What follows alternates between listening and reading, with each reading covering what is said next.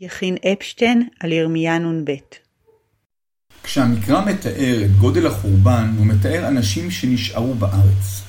ומדלת הארץ השאיר נבוזרדן רב טבחים לחורמים וליוגבים. ולשם מה הושארו אנשים אלו? על מנת להיות מגדלי הכרמים והשדות של הארץ. המדרש בבבלי שבת כ"ו עמוד א' בוחר להבין אחרת את התפקיד של אלו שנשארו.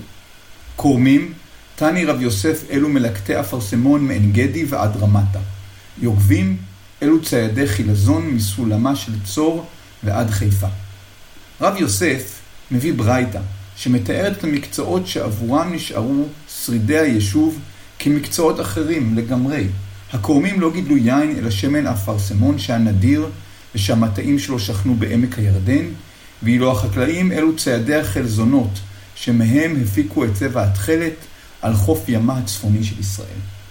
שני מקצועות אלו, מגדלי האפרסמון וציידי החלזונות, היו מקצועות של רווחה, כאלו שסיפקו מוצרים יקרים שרק מעטים יכלו לקנותם.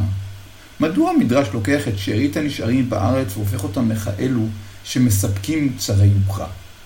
נראה שהמדרש מנסה להבין מדוע המלך מחליט להשאיר אנשים מיהודה ולא להגלותם.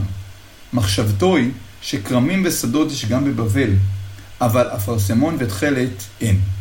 השארתם לא הייתה בשביל לשמור על הארץ, אלא בשביל לא להפסיק את התוצרת שיש רק בארץ ישראל. שימור הנכסים הכלכליים של הארץ הכבושה. נכסים שכל מלך חשוב לו לקיימן בעיקר בגלל המיסים הגבוהים שהם מניבים. נכון, ראינו במלך בבל כזה שדואג לארץ. כנראה, כמו כל מלך, הוא דואג רק לעצמו.